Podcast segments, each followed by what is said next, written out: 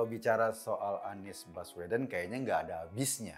Ini nih salah seorang politisi yang gemar banget ngepot. Kayak emak-emak bawa motor metik. Sennya ke kiri, dia bawa belok ke kanan. Kayak gitu. Kadang-kadang bikin orang bingung. Wajar aja sih karena hobinya ngepot itu dia memaksakan untuk menggelar Formula E di Jakarta. Biar Jakarta bisa kepot-kepotan. Tapi bukan itu yang ingin saya bicarakan hari ini. Hari ini kita ingin membedah misalnya membicarakan tingkah laku politiknya Anies Baswedan yang sering kali kalau kita perhatikan kita kayak diajak naik uh, roller coaster. Kadang nukik, kadang nyempong ke kanan, kadang belok ke kiri dan aneh-aneh. Apalagi keterampilannya Anies Baswedan dalam menggunakan simbol-simbol agama untuk kepentingan politiknya. Dalam soal ini, Anies boleh dibilang jagonya Ingat dong, waktu dia mau naik ke kursi gubernur DKI Jakarta, ada ayat dan mayat yang dipolitisasi. Bayangin, orang yang mendukung lawannya sampai ditolak untuk disolatkan jenajahnya. Ini kan luar biasa. Hanya karena persaingan pilkada pada saat itu, orang atau kelompok yang mendukung Anies rela untuk mengeksploitasi ayat-ayat dalam kitab suci, mengeksploitasi jenajah masyarakat Jakarta demi kepentingan politik. Dan bukan cuma itu, waktu itu karena kebetulan lawan Pak Anies adalah keturunan Tionghoa, Basuki Cahaya Purnama kebencian pada masyarakat Tionghoa atau pada warga negara Tionghoa itu digembar-gemborin. Sampai sekarang masih denger kan hati-hati serangan Cina hati-hati begini bakar dulu tuh ya waktu zaman itu bakar toko ini. Dan itu masih terus sampai sekarang residunya masih kita rasakan. Gimana kebencian pada satu etnik saat itu? Apalagi Ketika Anies sudah memenangkan pertarungan pilkada Jakarta, dia nggak cukup untuk membuat apa ya gesekan sosial yang terlalu kuat. Saya ingat pidato pertamanya ketika ia naik sebagai gubernur DKI Jakarta. Waktu itu ujuk-ujuk nih nggak ada hujan, nggak ada angin, tiba-tiba Anies bicara soal pribumi. Soal pribumi yang tidak menjadi tuan di tanahnya sendiri dan kita ingat soal pribumi ini dalam kosakata politik Indonesia sering kali dibenturkan dengan non-pri. Dan dalam kosakata politik Orde Baru kita tahu siapa yang dimaksud dengan non-pri itu.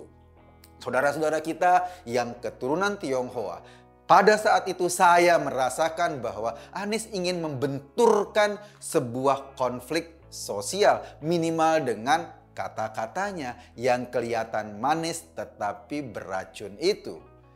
Ini yang saya rasakan. Wajar sih saat itu kayaknya Anies pingin mendegradasi semua tentang Ahok. Ahok dianggap sebagai lawan waktu itu lawan beratnya dia dan orang semua tahu Ahok punya legacy punya peninggalan sebagai gubernur Jakarta yang gak gampang untuk dilupain.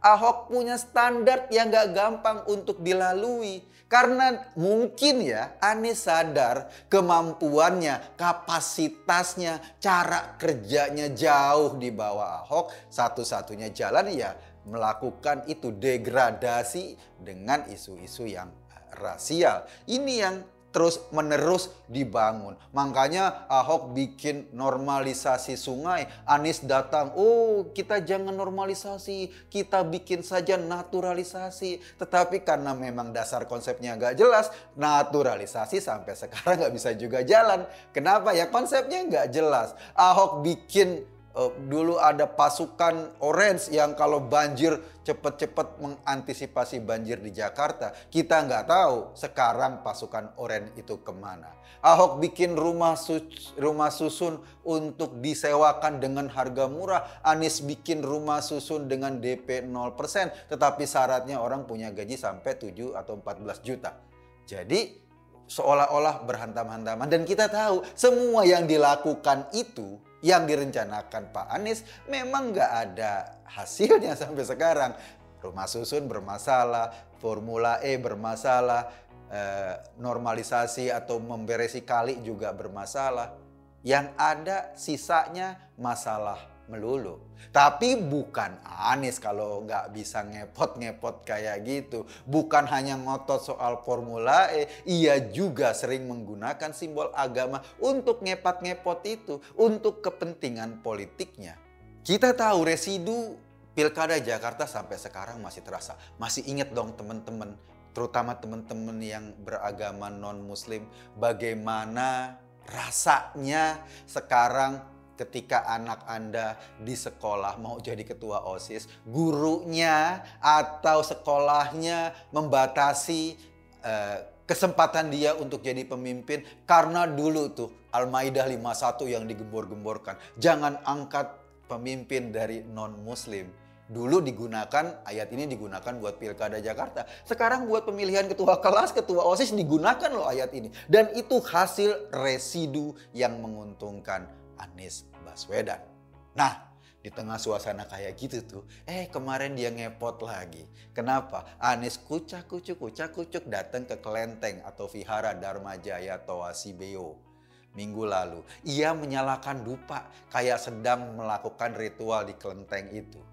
Maksudnya sih jelas ya, pesan politik yang mau disampaikan jelas bahwa Anies ini adalah sosok yang plural, sosok yang menghargai perbedaan. Buktinya dia nggak mengkafir-kafirkan tuh, dia datang ke kelenteng untuk menyalahkan dupa seperti orang uh, melakukan uh, doa di sana, nggak ada masalah. Di satu sisi dia melakukan itu mungkin saja untuk menghapus stigma dengan kegiatan politik lamanya. Kegiatan politik yang memang menjadikan warga Tionghoa sebagai pesakitan. Wong memang begitu kok eh, apa namanya kampanye-kampanye yang pada saat dia menang. Tetapi pada saat yang bersamaan ketika dia ingin menampilkan citra pluralisme, ketika dia ingin menampilkan citra yang sangat moderat, sangat menghayati kebinekaan. Ia juga dekat dengan FPI yang doyan sweeping, yang doyan melakukan kekerasan pada kelompok yang berbeda. Seolah-olah yang ini pingin dirangkul, yang ini pingin dirangkul. Padahal dua-duanya itu nggak mungkin bisa dirangkul. Kenapa? Yang satu nggak suka dengan kelompok yang lain.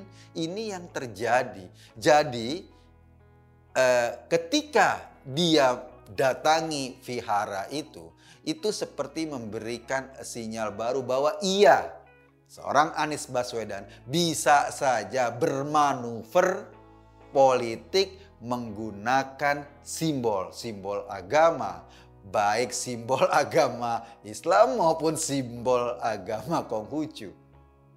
Padahal baru kemarin ia juga masuk loh ke konflik eh, warga di perumahan Taman Meruya Ilir. Ini kisahnya soal pembangunan masjid di ruang uh, terbuka atau fasilitas terbuka di perumahan tersebut. Jadi ada ruang, ada fasilitas sosial sebagai ruang terbuka hijau yang mestinya buat taman, mestinya buat ya anak-anak kecil main lah. Di perumahan itu sudah ada masjid di tempat lain, di satu komplek itu juga. Tetapi ada sebagian masyarakat yang pingin bangun masjid di situ. Sebagian warga nggak setuju untuk dibangun. Loh ini kan ruang terbuka hijau. Jangan dong dibangun di sini. Kan kita sudah punya masjid. Ini biarkanlah buat anak-anak main. Kan nggak semuanya tempat untuk digunakan sebagai masjid. Jalan dikit tuh ada masjid di situ.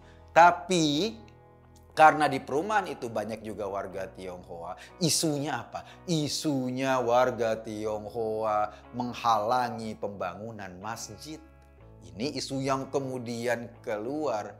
Dan ketika terjadi uh, perbedaan pendapat di antara masyarakat karena memang itu ruang terbuka hijau Anies kucuk kucuk kucuk kucuk datang sholat numpang sholat di masjid yang masih bentuknya tenda itu ingin menegaskan bahwa dia adalah tokoh di antara gesekan sosial, gesekan ras di situ.